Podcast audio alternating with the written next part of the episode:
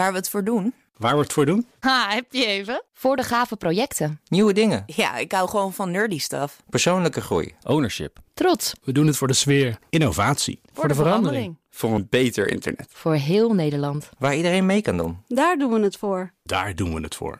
Waar doe jij het voor? Kom werken voor KPN en groei op jouw manier. Check de actuele vacatures op het gebied van data, security, development en networking op jobs.kpn.com/tech. Wetenschap vandaag.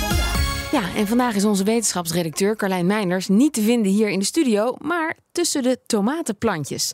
En daar krijgt ze alles te horen over de Autonomous Greenhouse Challenge. Ik ben Guido de Kroon, ik ben professor aan de TU Delft aan de faculteit Lucht- en Ruimtevaart. En waar zijn we op dit moment?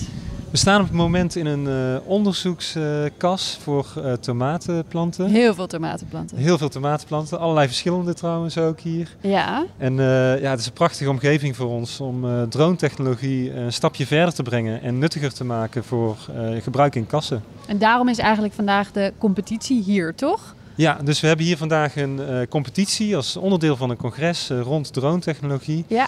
Um, waarin teams van over de hele wereld, hè, studententeams, maar ook start-ups, uh, bedrijven, eh, meedoen om eh, ja, een drone te maken die helemaal eh, zelfstandig... Vliegt even een hommel voorbij. Ja, ik even een hommel op mijn microfoon. Ja. die zijn trouwens nog veel beter dan onze drones, die hommels. Dus, ja, daar we kunnen we daar, nog eh, wat van leren, juist. Iets van te leren. Dus ja, vandaag is het doel uh, voor die teams uh, om ja, een, een drone uh, te maken die eh, de kas afvliegt en plaatjes eh, maakt van de eh, tomatenplanten. Wat kan een teler daar straks mee? Wat heeft hij daaraan? Telers eh, die kunnen daar heel veel informatie uit halen. Dus uit de beelden kun je natuurlijk zien eh, hoe het met de tomatenplanten gaat, of ze goed groeien, of er misschien ergens eh, ingegrepen moet worden. Maar uh, wat we vandaag ook uh, simuleren is een uh, zieke plant bijvoorbeeld oh, ja. detecteren. Hè, dus we hebben een van de planten hebben de blaadjes een beetje geverfd met wat hm. bruine verf. En dat ziet er dan uit als een ziekte. En als ze die vinden, krijgen ze extra punten. Ah, kijk. Ja, en dat is heel belangrijk, want zeg maar, eh, als een ziekte onopgemerkt blijft, wat natuurlijk kan gebeuren, eh, vooral als de blaadjes eh, wat hoger in de plant eh, alleen wat bruiner zijn, dan eh, kan het gebeuren dat zo'n hele kas geruimd moet worden. Ja. En dat is gewoon ja, als mensen heel moeilijk om bij te houden, maar die drones die kunnen onvermoeibaar eh, dag na dag zo'n kas afvliegen straks. Ja, nou uh, zijn we al wel even bezig met het maken van drones. Dus ik dacht eigenlijk, dit kunnen we al lang. Ja, dat is uh, toch nog heel uitdagend. Dus uh, waar je vooral drones ziet op het moment is toch nog wel bij uh, buitenvluchten, dus hoog in de lucht. Ze gebruiken dan ook GPS, dus ja, het positiesysteem met satellieten, om te weten waar ze zijn. Nou, als je naar een kas gaat, krijg je allerlei andere uitdagingen. He, je krijgt mensen die daar rondbewegen, je hebt uh, die planten die groeien, dus de omgeving verandert voortdurend. Wat je hier ook ziet is, uh, die rijen tomatenplanten groeien heel dicht bij elkaar. Het is een beetje een jungle. Het is echt een beetje een jungle. Het ja. is heel moeilijk om daar tussendoor te vliegen. En uh, wat nou de hoofduitdaging is, is dat hè, zelfrijdende auto's zijn al heel uitdagend om te maken. Ja. Maar die zijn ook best wel zwaar. Dus die hebben veel sensoren, veel rekenkracht. En die drones, ja, die zijn veel en veel lichter. Hè? Vooral als je ze heel veilig wil maken voor hun kassen. En uh, die moeten dus met veel minder rekenkracht hetzelfde doen. Ja, um, nou zagen we net al even een, uh, een, deelnemer een poging doen om te vliegen. Dat ging een stukje goed en toen ging het toch weer mis. Ja, het leuke aan de competitie is dat uh, heel veel teams eh, ja, ook verschillende aanpakken doen. Hè, dit team eh, probeerde van tevoren, eh, ja, werd er rondgelopen met de drone van waar hij dan moest gaan vliegen. En eh, dat moest hij dan onthouden. En eh, blijkbaar had hij dat niet heel goed onthouden. Nee. want hij ging een beetje schuin. Dus het ja. ging eerst goed, maar hij ging steeds dichter naar de planten. En daarin zie je ook van ja, welke techniek werkt nou het beste. Ja, want we hadden vanochtend ook een team en die vlogen gewoon ja, vier, vijf rijen af. Uh, en die keken denk ik iets meer naar de omgeving van, oh, ik kom nu te dichtbij. Het is ook een soort vergelijking van aanpakken. Ja, dat team uh, is er ook nog, toch? Ja, dat team is er uh, nog steeds. Ik denk dat ik even ga vragen hoe zij dat eh, hebben aangepakt net.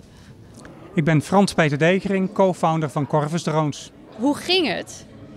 Ja, we hebben hier al één keer gevlogen. Dus in een timeslot van 10 minuten mag je laten zien uh, hoe goed de drone dus tussen de tomatenrijen kan doorvliegen. Ja? Eén rij zijn we in geweest, dan zijn we weer teruggegaan, middenpad overgestoken, andere rij, weer terug naar het middenpad. En dan komt de moeilijkheid. Ook weer een nieuwe rij gevonden en daarin gevlogen. En dat klinkt zo simpel, maar dat is technisch bezien echt heel erg mooi. Ik werk. had ook begrepen dat jullie al aan een drone...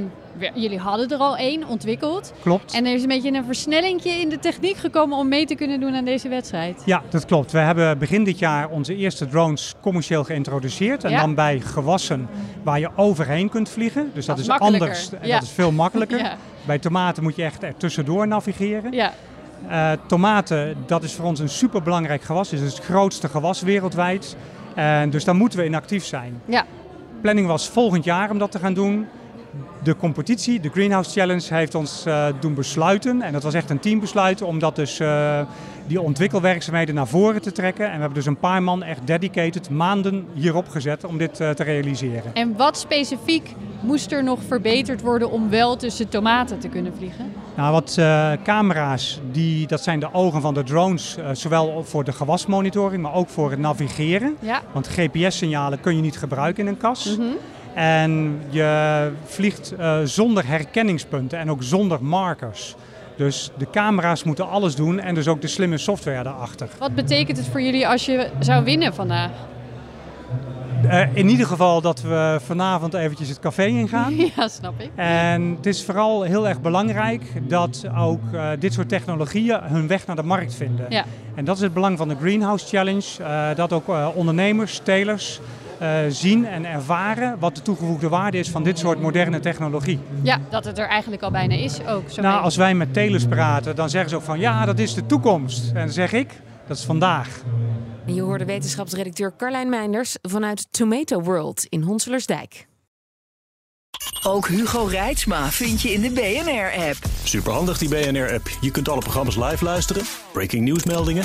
Je blijft op de hoogte van het laatste zakelijke nieuws. En je vindt er alle BNR-podcasts, waaronder natuurlijk de belangrijkste, Boeken zijn in de wijk. Download nu de gratis BNR-app en blijf scherp.